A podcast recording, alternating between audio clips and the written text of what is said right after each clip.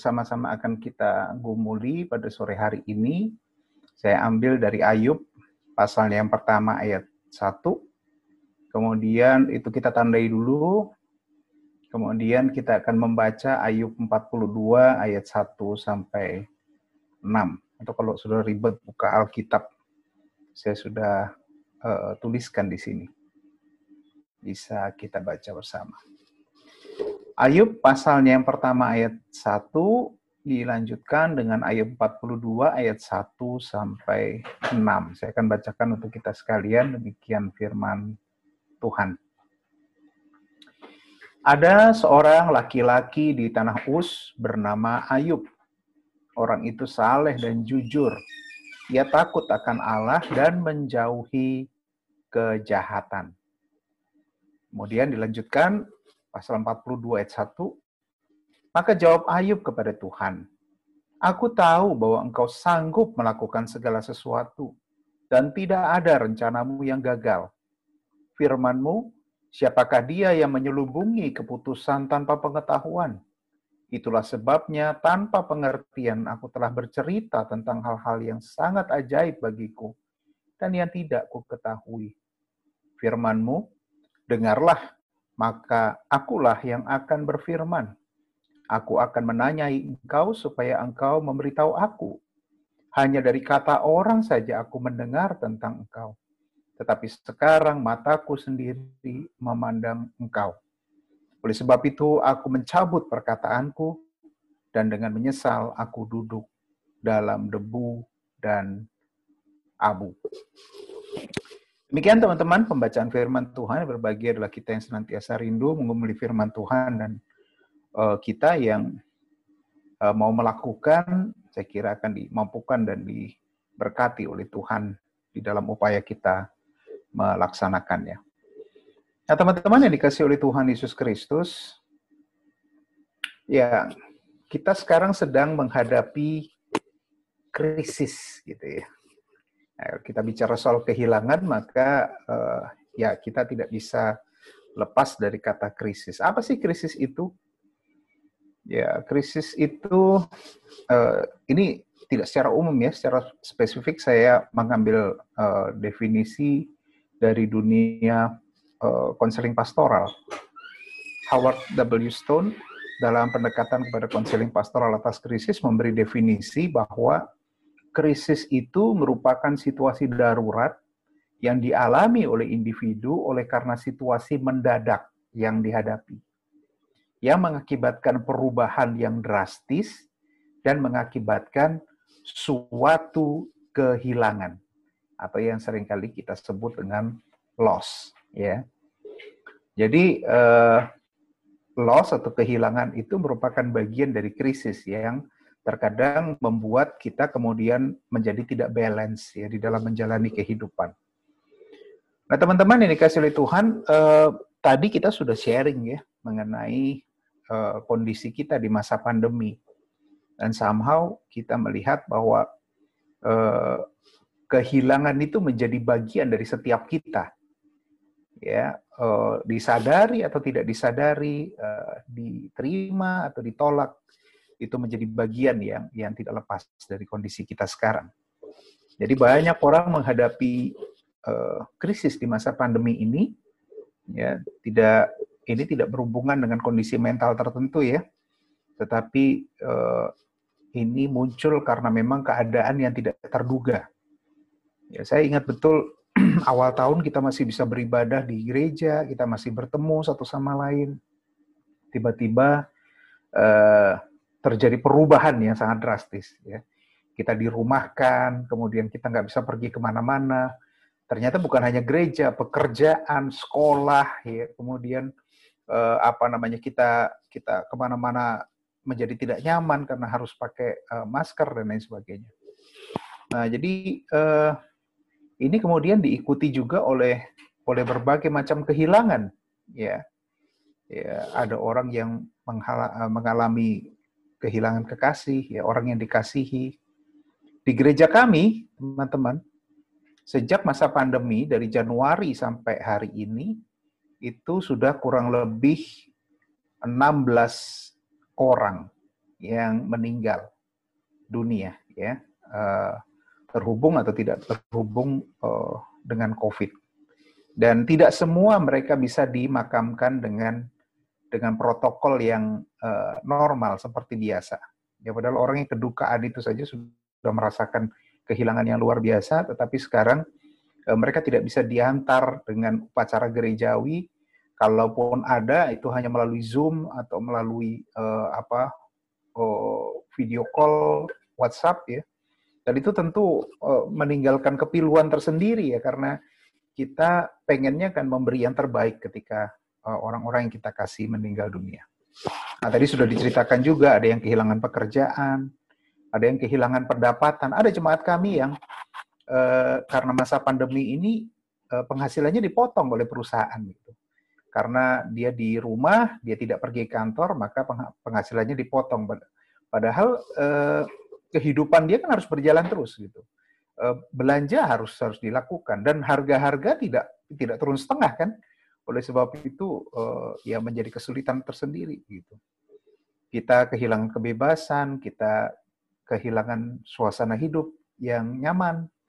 Biasa kita pergi ke mall, sekarang kalau mau pergi ke mall kita pikir eh, dua kali tiga kali gitu ya. Jangan-jangan kita pulang kita bawa penyakit dan lain sebagainya. Ya, jadi ini semua datang tiba-tiba dan ini adalah bagian dari krisis dan uh, menurut saya uh, somehow kita semua mengalami uh, loss. Ya, oke kita sekarang akan melihat tokoh kita pada sore hari ini. Dia adalah Ayub. Siapa Ayub ini teman-teman? Kita yakin, eh, saya yakin kita sudah uh, mengenal ya pribadi Ayub ini. Yang ingin saya uh, garis bawahi dari dari Ayub adalah ayat pertama dari pasal yang pertama ya. Jadi dikatakan di sana bahwa Alkitab mencatat Ayub ini orang yang saleh. Orang yang saleh itu artinya orang yang dekat dengan Tuhan. Ya, orang yang uh, jarang melakukan apa uh, hal-hal yang tidak berkenan di hadapan Tuhan, bahkan dipuji oleh Allah sendiri. Ya, kalau kita baca uh, bagian firman Tuhan itu dikatakan bahwa Eh, Tuhan bilang gini, dia tuh Ayub, hambaku. Dia setia banget gitu ya. Hidupnya di, di, ditujukan kepadaku. Ya, lalu kemudian dia mendatangkan perdebatan ya. Ah, itu kan karena dia engkau berkati. Ya. Kalau kalau dia tidak kau berkati juga nanti dia akan berbalik dan seterusnya. Ini menjadi perdebatan antara Tuhan dan dan iblis. Nah, teman-teman, eh, kenapa saya tidak mencantumkan atau tidak membaca bagian-bagian kejatuhan Ayub? Karena saya yakin dan percaya teman-teman sudah tahu apa yang terjadi pada Ayub setelah ini. Ya, kita lihat ya. Ayub harus menanggung penderitaan yang sangat berat dan datang bertubi-tubi. Ya, jadi di awalnya kaya raya, kemudian mulailah hartanya hilang satu persatu, ternaknya dirampok dan lain sebagainya, dan kemudian uh, ya kehilangan anak-anaknya, ya anak-anak yang tentu menjadi harta terbesar di dalam kehidupannya, baik yang laki-laki maupun yang perempuan, yang ia sayangi, bahkan ia mempersembahkan korban untuk menjagai anak-anaknya itu dari malapetaka, tetapi toh anak-anaknya itu di, diambil juga ya dari dari dia. Kemudian uh, kesehatan yang juga merupakan uh, hal yang berharga bagi dia juga diambil darinya. Ya, jadi Ayub itu menderita sakit yang cukup parah ya, dikatakan sakit barah. Barah itu artinya uh, borok ya, saudara-saudara ya, borok yang yang basah gitu. Dan bagi orang yang seperti itu pada zaman Ayub itu pertanda bahwa ia dikutuk oleh Tuhan gitu. Uh, jadi secara sosial dia ditolak, uh, secara rohani juga ya dia ditolak ya karena uh, orang semacam ini biasanya melakukan dosa dan dihukum oleh Tuhan. Nah, yang paling parah lagi, sahabat-sahabat yang diharapkan bisa menyupport dia pada masa semacam itu justru meninggalkan dia. Bahkan sahabat terdekatnya, yaitu istrinya sendiri, mengatakan kepada Ayub, udahlah daripada kamu begini, udah nggak ada lagi uh, gunanya kamu hidup. Ya. Kutuki aja Tuhanmu yang selama ini kau kau sembah itu, dan kemudian mati aja gitu ya. Itu dikatakan oleh istri Ayub. Nah, teman-teman, kadang-kadang dalam situasi semacam ini muncul pertanyaan teologis gitu ya. loh kita ini orang percaya. Kita ini kan uh, senantiasa menunjukkan iman kepada kepada Tuhan Allah. Kita melakukan kebaikan di dalam kehidupan kita. Kenapa kok penderitaan itu ada di dalam kehidupan orang percaya? Ya, ini ini pertanyaan-pertanyaan teologi semacam ini sering muncul ya, teman-teman ya. E, kalau Tuhan itu baik, kalau Tuhan itu adil, kalau Tuhan itu menyayangi kita, kenapa kita yang adalah orang percaya kok menerima hal-hal yang buruk di dalam kehidupan kita, menyulitkan kita? yang misalnya ketipu lah, kehilangan inilah, apa dan lain sebagainya begitu. Nah, apakah ini muncul karena dosa Ayub? Ternyata tidak ya. Ayub tidak bersalah. Nanti sampai akhir dari kitab ini dinyatakan bahwa Ayub nggak bersalah meskipun dia kemudian menyesal juga. Dia sempat mengatakan, aku mengutuki hari kelahiranku Tuhan. Karena kalau begini caranya, buat apa aku dilahirkan kalau hanya untuk kehilangan segala sesuatu. Tetapi uh, akhirnya ketika ia sadar apa yang dilakukan Tuhan, ia cepat-cepat minta maaf kepada Tuhan dan berkata, aduh Tuhan, uh, saya cabut ya perkataan saya. Itu nggak benar tuh saya tanya seperti itu. Tetapi Tuhan memandang bahwa di dalam setiap pergumulan yang dihadapi oleh Ayub ini, Ayub nggak berbuat kesalahan ya. Satu pun tidak berbuat kesalahan. Jadi Ayub tetap setia, Ayub tetap menunggu, Ayub tetap sabar uh, mengikuti apa yang harus ya jalani itu. Nah, teman-teman, ternyata melalui penderitaan Allah ingin mengatakan sesuatu kepada Ayub, gitu ya. Uh, apa itu? Ya, Allah ingin Ayub mengenal dirinya, gitu, mengenal cara kerjanya, dan itu pada akhirnya memang didapatkan oleh Ayub di akhir penderitaan. Di akhir penderitaan, Ayub berkata seperti ini, teman-teman. Ayat 42, eh pasal 40 ayat 5 tadi ya, di dalam bacaan kita. Dikatakan gini, hanya dari kata orang saja. Jadi selama ini Ayub itu menyembah Tuhan. Iya, menyembah Tuhan. Ayub percaya kepada Tuhan. Iya, percaya kepada Tuhan. Tetapi hanya dari kata orang saja aku mendengar tentang engkau. Jadi mungkin uh, keberagamaan Ayub ini bersifat formal gitu ya. Dia tahu bahwa oh ada Allah gitu. Dia tahu bahwa Allah itu seperti ini. Oke, saya tahu. Dan saya berusaha untuk menyenangkan hati Allah, tetapi itu merupakan formalitas agama di dalam kehidupannya. Nah, sekarang justru ketika dia mengalami penderitaan, dia sungguh-sungguh merasakan kehadiran Allah. Dia tahu siapa Allah itu, dan yang terpenting adalah dia tahu siapa Allah itu bagi dirinya. Ya, jadi selama ini kan dia tahu, ya Allah itu ya ya yang kita sembah dan lain sebagainya itu pemahaman formal agama tetapi e, melalui penderitaan ini justru Ayub mengenal betul siapa Allah yang dekat dan menolong dia itu. Nah, teman-teman yang dikasih oleh Tuhan Yesus Kristus, kita akan belajar dari Ayub bagaimana untuk bisa menghadapi situasi yang sulit atau yang tadi saya sebut sebagai krisis itu dengan arif ya. Kita belajar dari Ayub bagaimana caranya. Yang pertama teman-teman, hal yang bisa kita pelajari dari Ayub adalah Ayub tidak jatuh pada respons yang salah. Nah, ini ya. Ini yang hebat dari seorang Ayub ya. Dia tidak jatuh pada respon yang salah. Apa maksudnya, teman-teman? Banyak orang ketika diterpa oleh situasi krisis kemudian jatuh dan terpuruk. Atau ada juga orang-orang yang malah lebih ekstrim lagi menyalahkan Tuhan karena situasi yang dialaminya. Ya mungkin tidak secara langsung sih, tetapi ada juga yang bilang begini loh, ya mungkin saya ketipu ini atau uh, saya kerampokan, mungkin uh, barang saya kecurian atau motor saya hilang atau apa ini karena memang Tuhan berkehendak gitu. Loh kita nuduh Tuhan dong gitu ya. Padahal mungkin bukan bukan itu maksud Tuhan begitu ya. Jadi uh, banyak orang ketika menghadapi eh, situasi-situasi buruk uh, untuk apa ya menutup kekecewaannya itu mereka salah di dalam respon gitu. Ya uh, bahkan ada yang secara ekstrim berkata wah Tuhan ini nggak adil nih, ya, Tuhan nggak bener nih. Saya udah udah rajin pelayanan, saya udah kasih banyak persembahan, saya ke gereja terus, saya tidak pernah absen mengikuti kegiatan-kegiatan. Kenapa kok saya yang kena gitu? Yang terburuk kemudian dia nunjuk orang gitu ya. Coba lihat tuh Tuhan tuh. Ada orang lebih buruk dari saya gitu ya. Kenapa bukan dia aja yang kena gitu? Kenapa kok saya yang kena gitu? Kita kemudian jatuh pada penghakiman. Tetapi Ayub tidak melakukan itu. Ya, ketika dia kena, dia tetap uh, dengan tekun menjalani masa-masa sulitnya itu. Nah, ini yang yang perlu kita pelajari dari seorang Ayub ya. Nah, sikap yang yang justru berlawanan dengan sikap Ayub itu dipertontonkan oleh tiga orang teman Ayub, bahkan istri Ayub sendiri. Udahlah, lu buat salah apa sama Tuhan gitu. Minta ampun aja sama Tuhan. Ayub bilang, saya nggak merasa berbuat salah apa-apa sama Tuhan. Saya bahkan memberikan persembahan sebagai korban penebus salah dan uh, saya nggak merasa kenapa-kenapa. Ah, itu kamu dikutuk tuh sama Tuhan tuh. Udah, lu mendingan mati aja deh gitu. Ya bahkan istrinya juga bilang begitu ya teman-teman ya. Sungguh pilu nih. Nah, eh, kita diajar oleh Ayub untuk memandang apa yang terjadi pada kita eh, harusnya kita lihat dalam pandangan yang lebih luas. Ya.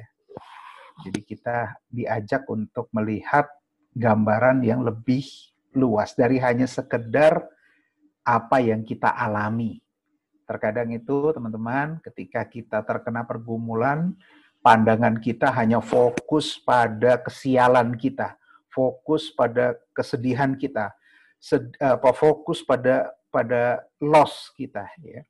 Kita kita gagal melihat bahwa uh, ini adalah merupakan rangkaian uh, cerita yang sedang dijalankan oleh Tuhan yang mungkin nanti pada akhir akan mendatangkan sesuatu yang baik untuk kita ya, ya saya yakin ya tidak mungkin.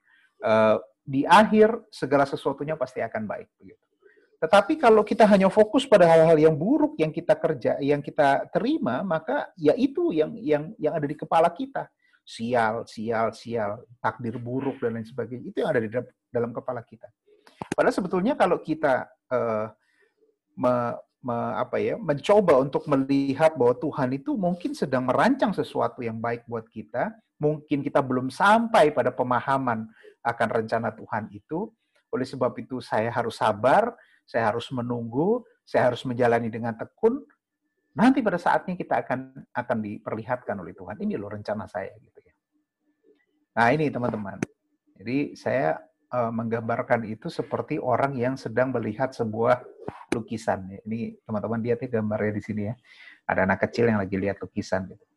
Teman-teman, untuk sebuah lukisan yang besar, kalau kita melihat dari jarak satu meter, akan berbeda apa yang menjadi titik fokus kita dengan orang yang melihat lukisan dari jarak 3 meter. Ya, ngerti ya maksud saya ya?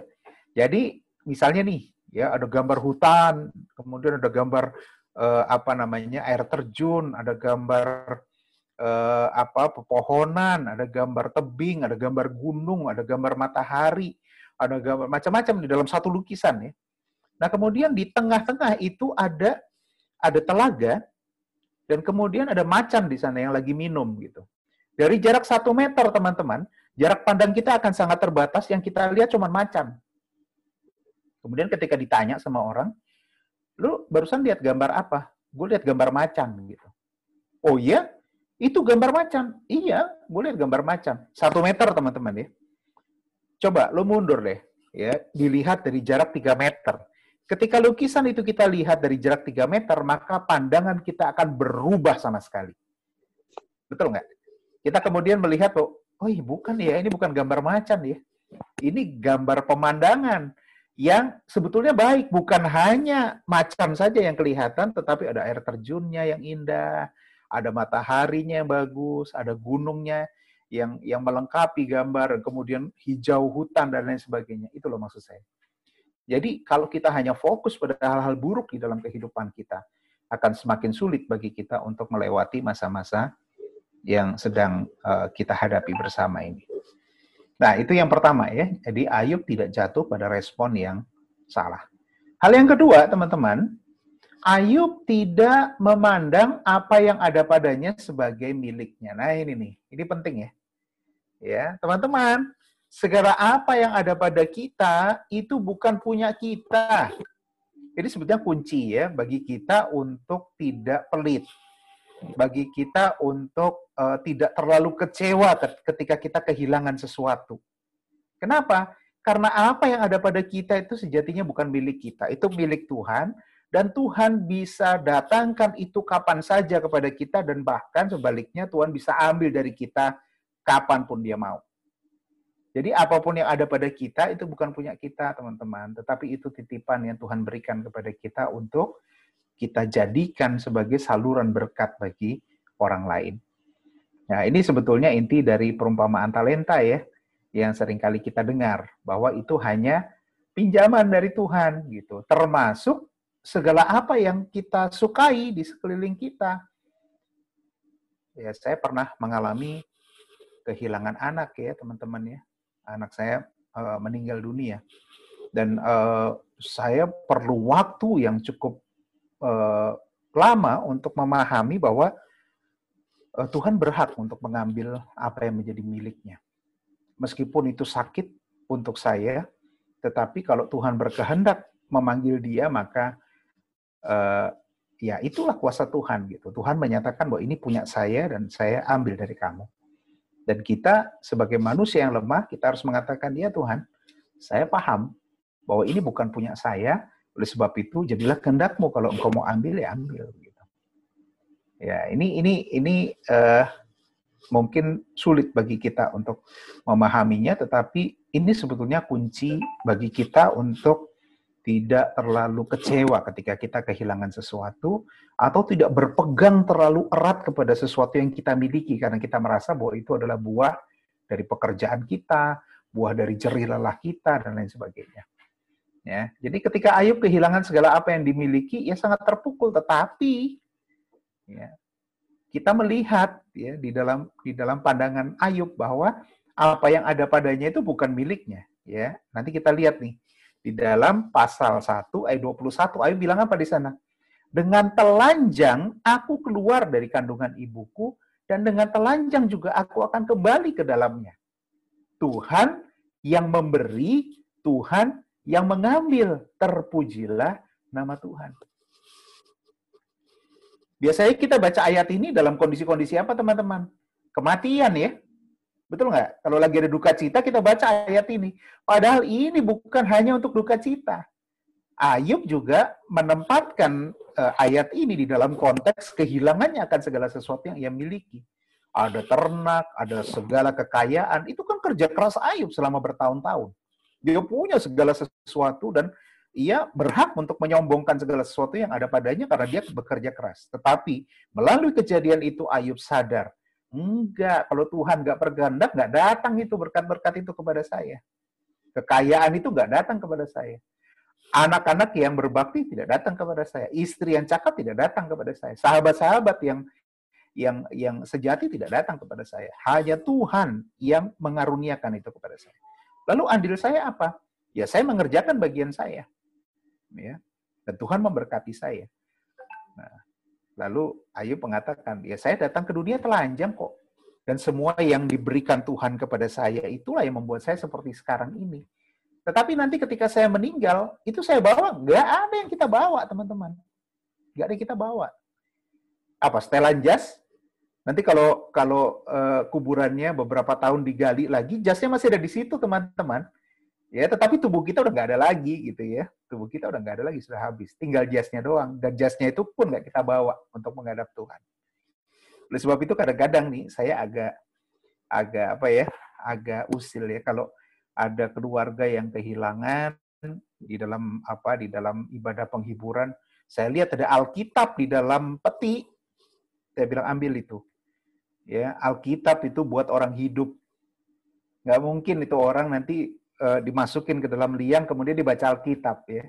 Mendingan Alkitabnya ditinggal di luar, dibaca sama yang masih hidup begitu. Itu akan lebih bermanfaat daripada dimasukkan ke dalam peti. Karena yang meninggal nggak akan baca Alkitab. Gitu. Dia sudah bertemu dengan Tuhan dan dia nggak butuh lagi itu.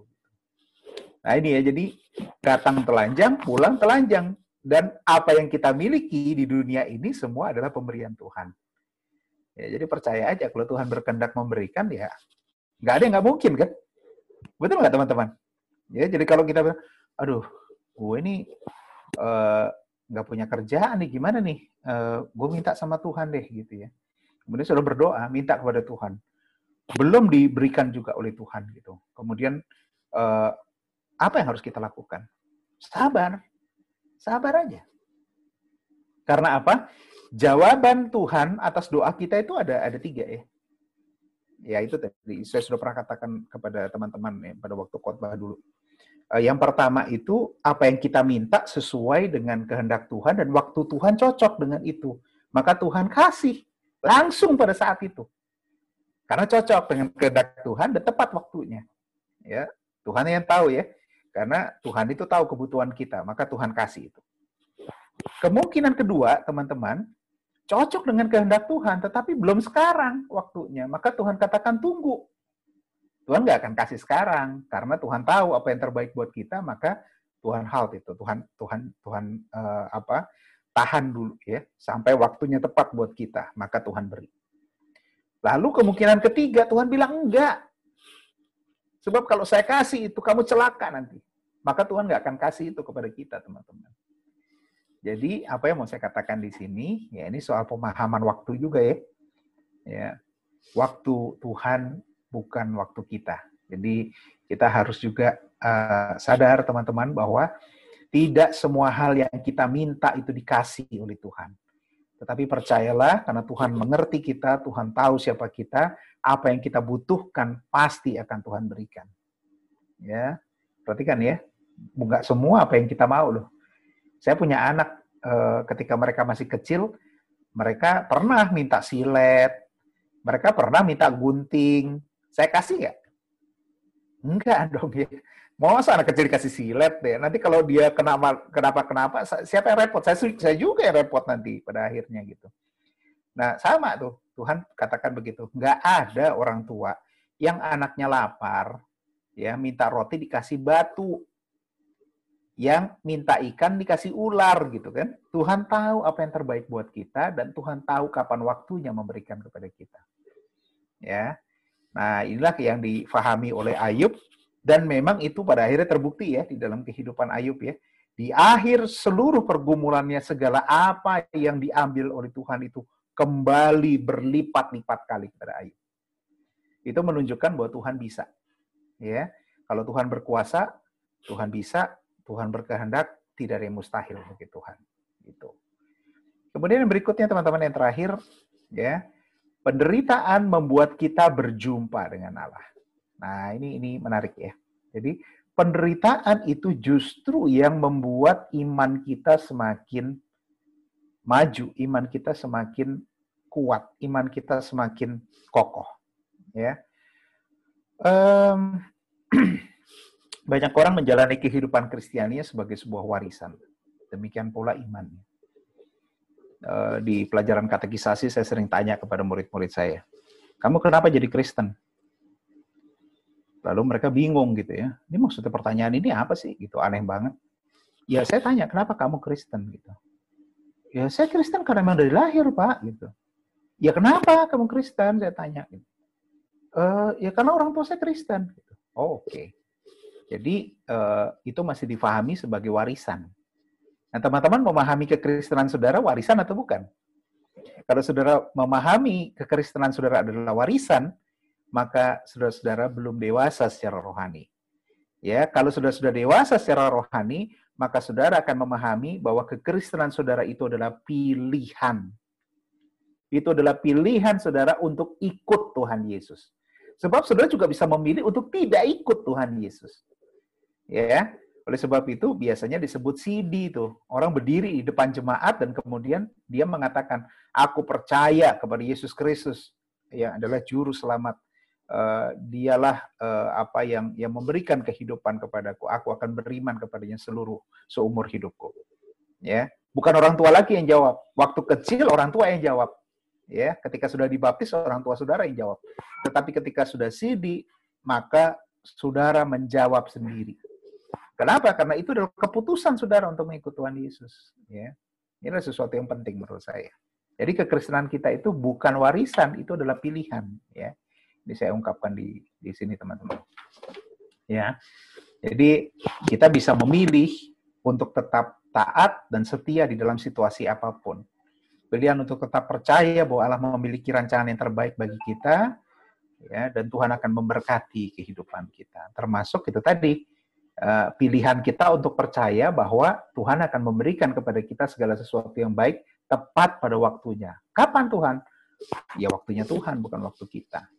Mungkin baik menurut kita waktunya, tetapi menurut Tuhan belum tentu. Karena Tuhan sudah lihat apa yang baik buat kita. Nah, teman-teman yang dikasih oleh Tuhan, eh, kesaksian Ayub di dalam bacaan kita tadi jelas ya, eh, pasal 42 ayat 5 tadi. Hanya dari kata orang saja aku mendengar tentang engkau, tetapi sekarang mataku sendiri memandang engkau. Teman-teman, di uh, apa di Indian Cherokee ya. Uh, sudah tahu ya, uh, suku Indian di Amerika ya, uh, Cherokee itu punya kebiasaan anak-anak uh, mereka yang sudah akil balik itu akan diuji ya. Kalau mereka lulus, mereka akan menjadi warrior, mereka akan menjadi orang-orang uh, yang ditempatkan di garda terdepan untuk mempertahankan desa mereka. Nah, tetapi ada ujiannya tuh ya. Ujiannya cukup berat, teman-teman. Ujiannya mereka harus dilepas di hutan. Padahal hutan itu penuh dengan bahaya kan. Mereka bisa bertemu apa saja di sana, bisa bertemu ular, bisa bertemu harimau, bisa bertemu wah macam-macam binatang buas ya. Lalu apa yang harus disiapkan? Mereka harus menyiapkan segala sesuatunya sendirian, ya. Lalu termasuk uh, kemah dan lain sebagainya. Lalu mereka akan diantar oleh ayah mereka sampai perbatasan hutan. Lalu mereka harus jalan sendiri masuk ke dalam hutan, bikin uh, api, bikin tenda dan lain sebagainya. Lalu mereka tinggal di sana, ya, sampai waktu yang ditetapkan. Biasanya sampai pagi gitu ya, dari dari sore hari sampai pagi hari begitu. Mereka harus melawan segala sesuatu yang yang uh, apa namanya uh, membahayakan nyawa mereka. Mungkin mereka harus lawan serigala, bisa jadi. Mungkin mereka harus menangkap ular, bisa jadi. Mereka harus cari makan sendiri, ya. Lalu mungkin mereka diserang oleh oleh apa kita nggak tahu ya. Namanya hutan, segala apa bisa terjadi gitu. Nah, tetapi yang paling membahayakan buat mereka adalah rasa ditinggalkan sendirian. Itu membuat anak-anak itu menjadi ketakutan dan kemudian mereka datang ke kampung, pulang ke kampung ya, kemudian mereka bilang saya nggak berani gitu, karena saya sendirian di sana, saya nggak bisa apa-apa. Itu biasanya membuat mereka gagal. Tetapi teman-teman tahu nggak, kalau anak-anak itu dengan setia menjalani masa-masa Eh, kesendirian itu, ya mereka tetap tekun menjalani itu tanpa takut. Tahu nggak ketika matahari mulai bersinar, apa yang pertama kali mereka lihat? Yang pertama kali mereka lihat adalah ayah mereka bersembunyi di semak-semak dengan panah yang semalam-malaman tertarik ya busur yang semalam-malaman tertarik untuk apa? Untuk menjagai anak-anak mereka. Ini sebetulnya teman-teman yang Allah kerjakan di dalam kehidupan kita. Ya, mungkin kita mengalami kesulitan, kita mengalami loss, kita mengalami kehilangan, kita mengalami uh, krisis yang luar biasa pada masa pandemi ini. Tetapi satu hal yang tidak berubah, dulu, sekarang, sampai selama-lamanya, bahwa Tuhan yang kita percaya itu tetap ada, dia tidak pernah ke mana-mana, teman-teman, tetap ada menjagai kita siang dan malam. Dan dengan adanya Tuhan, beserta dengan kita, tidak ada yang perlu kita takutkan. Karena tidak ada yang mustahil bagi Tuhan, segala sesuatu mungkin di tangan Tuhan, dan Tuhan dengan kuasanya akan menolong kita melewati masa-masa sulit ini. Bahkan menyatakan berkat-berkatnya di dalam kehidupan kita, agar kita bisa berfungsi menjadi saluran berkat bagi kemuliaan namanya. Oleh sebab itu, teman-teman, mari kita hayati masa krisis ini dengan uh, tetap setia, ya. Jangan terlalu baper, ya, karena uh, segala apa yang ada pada kita sejatinya bukan punya kita kok, itu punya Tuhan gitu ya. Jadi kalau Tuhan berkenan, Tuhan berkehendak, maka itu bisa kembali kepada kita kapan pun Tuhan mau. Oleh sebab itu, syukuri apa yang ada pada kita sekarang, tetap berupaya untuk menjadi berkat di tengah kondisi yang sulit sekalipun. Tuhan akan melihat ya perkara-perkara kecil yang kita jalani dengan setia, maka Tuhan akan memberikan perkara-perkara yang besar kepada kita untuk menjadi tanggung jawab kita. Tuhan Yesus memberkati kita, teman-teman. Uh, stay strong ya. Kita tetap menjalani masa pandemi ini dengan semangat dan sukacita. Tuhan Yesus memberkati. Amin.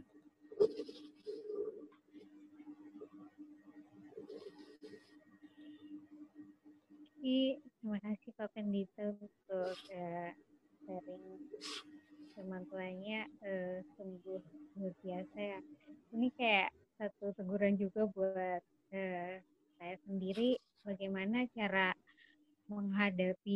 semuanya itu dengan melihat uh, sisi baiknya dan yakin dan percaya kalau nggak uh, ada yang mustahil kalau kita bersama Tuhan.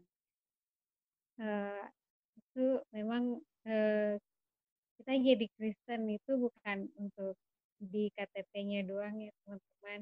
Kita belajar untuk uh, di sini kita belajar dari Ayub untuk setia dan uh, Kristen itu bukan Kristen KTP atau yang kita dengar dari orang, tetapi itu pilihan kita untuk menjadi Kristen dan uh, kita yakini kalau uh, di dalam Tuhan tidak ada yang mustahil, teman-teman. Oke, teman-teman, uh, mungkin ada yang mau sharing atau bertanya, dipersilahkan.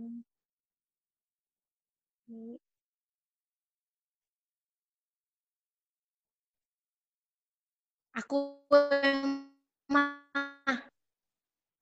Oke, boleh kamu sih, Kak. Uh, kamu sih, Kak. Oh, oke Pak Rudi. Uh, pertanyaan saya ada dua. Uh, pertama itu alami kerugian misalnya. Namun sering kali ketika misalnya kita kira kita sudah berhasil melupakan kerugian itu, ada saja orang-orang atau lingkungan sekitar yang mengingat atau menanyakan balik gitu dan kadang-kadang juga uh, si iblis kayak gitu uh, memikirkan memberikan pikiran apa ya uh, kamu sudah rugi segini seberapa tahun kamu sudah rugi berapa materi gitu bagaimana cara kita melawan pikiran itu dan yang kedua bagaimana caranya ketika misalnya keadaan kita juga sudah lebih baik uh, kita tidak longgar sama sekali dalam disiplin rohani gitu, tidak longgar. Itu aja. Oke, jadi begini untuk yang pertama ya iblis nggak akan tinggal diam ya teman-teman ya. Dia pengennya kita selalu berpikiran negatif gitu. Uh, entah Tuhan itu nggak adil lah, entah kita sial lah, entah kita nggak disayang Tuhan lah, apa apa segala sesuatu itu uh, pasti iblis hadirkan untuk untuk untuk menggocoh kita kata Rasul Paulus begitu. Dan itu yang berat sebetulnya dalam kehidupan orang percaya karena biasanya hal-hal itu datang dari orang-orang yang dekat dengan kehidupan kita. Ya, jadi bukan bukan jauh-jauh tuh teman-teman. Maka dikatakan uh, apa namanya? Uh, singa itu dekat sekali dengan kita gitu ya, mengaum-aum dan siap untuk menelan kita gitu. Nah, oleh sebab itu uh, saya kira apa yang tadi uh, saya sharekan itu penting untuk kita pahami bersama. Jangan terikat pada segala sesuatu yang ada di dunia ini Ya, bagi saudara bagi saudara-saudara yang masih muda mungkin agak sulit gitu ya. Loh, ini kan soal pencapaian, Pak, gitu. Kalau saya sudah mencapai sesuatu dan itu adalah karena usaha saya, maka saya berhak untuk defend, saya berhak untuk uh, mendapatkan yang terbaik. Ya, betul. Tuhan memberi kesempatan bagi kita untuk untuk melakukan yang terbaik dan uh, menghasilkan sesuatu yang menjadi bentuk uh, apresiasi Tuhan juga ya kepada kita dalam bentuk prestasi-prestasi. Betul. Tetapi tetap ingat bahwa uh, kita tidak perlu mengikatkan diri kita pada itu. Nah, sering kali yang terjadi adalah kita terlalu keras mengikat uh, diri kita pada itu. Ketika itu hilang, kita ikut terbawa. Gitu. Kita ikut terseret pada itu, sehingga kemudian ya kacau kita pikiran kita gitu. Aduh, gue rugi nih. Aduh, oh, susah banget dapetinnya dan lain sebagainya. Saudara kehilangan uh, apa ya? Kehilangan uh, memori bahwa sudah dapat itu juga dari Tuhan gitu ya. Kalau Tuhan nggak kehendaki itu ya sudah nggak dapat gitu. Oleh sebab itu uh, ya saya sih menyarankan ya kalau teman-teman punya sesuatu ya kita belajar juga untuk memahami bahwa uh, itu bukan punya kita, bukan untuk kita secara pribadi, tetapi itu juga bagian dari berkat-berkat yang harus kita sharekan kepada orang lain. Ya, saya sering menggambarkannya sebagai Uh, sudah tahu toron toron air ya? Uh, punya toron air kan pasti di rumah ya. Ya, ada toron yang gede itu yang warna orange tuh. Nah, teman-teman, ya toron air itu kan ada mekanisme otomatisnya ya. Jadi kalau dia penuh dia berhenti tuh, ya. Tetapi nanti kalau dia kosong dia akan uh, uh, pelampungnya itu akan narik tuh, tek gitu. Kemudian dia ngisi lagi, gitu. Teman-teman, keran air itu harus selalu dibuka. Kalau toronnya mau bersih, betul nggak? Ya, Kalau keran airnya dibuka, maka tornya itu airnya akan terkuras, kemudian akan terisi lagi dengan yang baru. Ya, teman-teman, saya pernah mengalami, ya, mampet itu kerannya itu sehingga tidak bisa keluar airnya. Nah, setelah beberapa hari uh, harus ada tukang yang naik ke atas dan membersihkan toren. Dibuka, teman-teman. Apa yang terjadi di dalam itu lumut banyak sekali dan ternyata sudah ada makhluk hidup saya nggak tahu itu datang dari mana ya. Oh, macam-macam gitu ya. Saya bingung, ini masuk dari mana ini macam-macam ini begitu. Ya. Jadi jadi aduh, apa namanya? butek banget airnya begitu.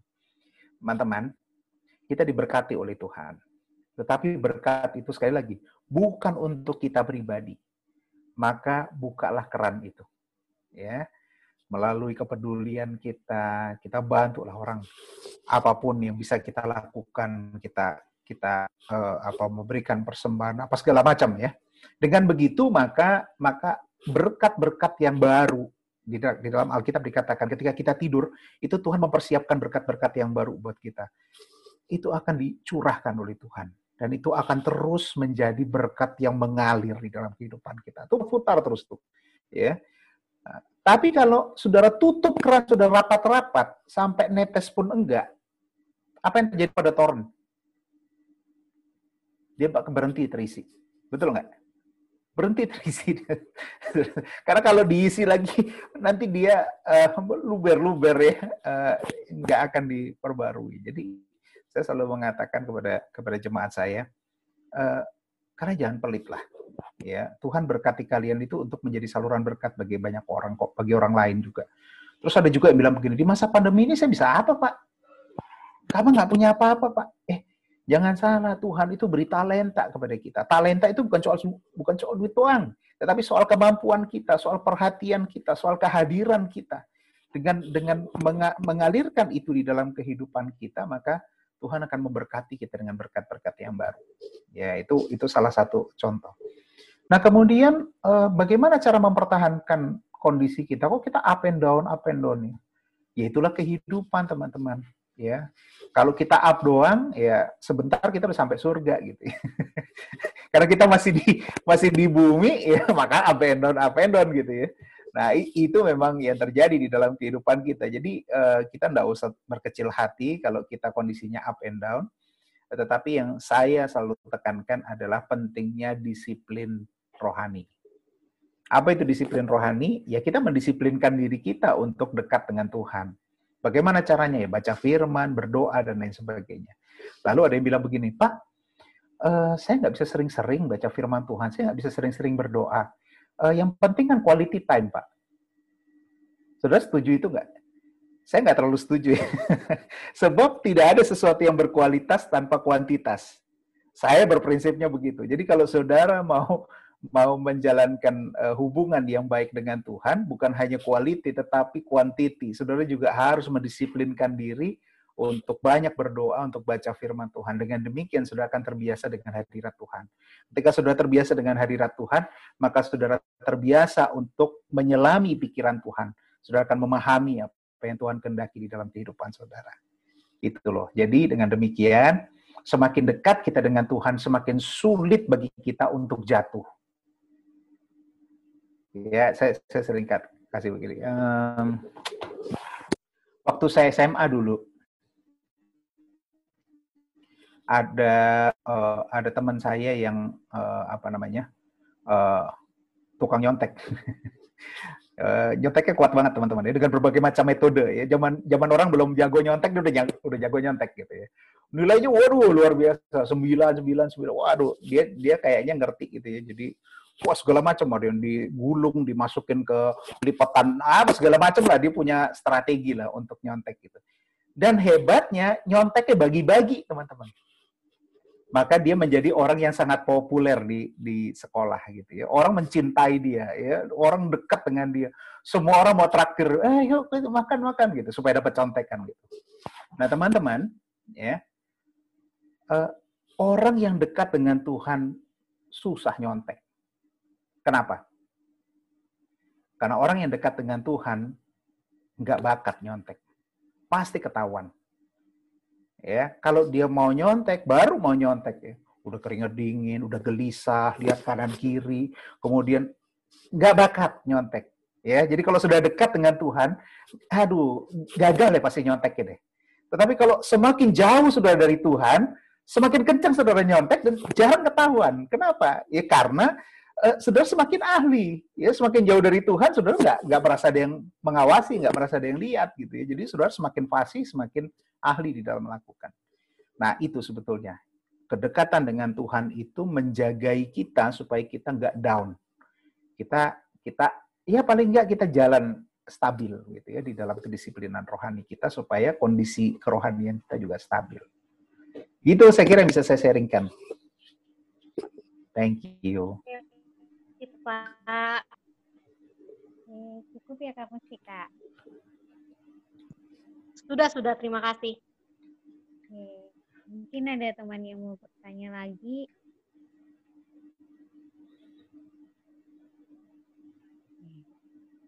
sepertinya tidak ada ya. Dan udah pada pusing kayaknya. Oke.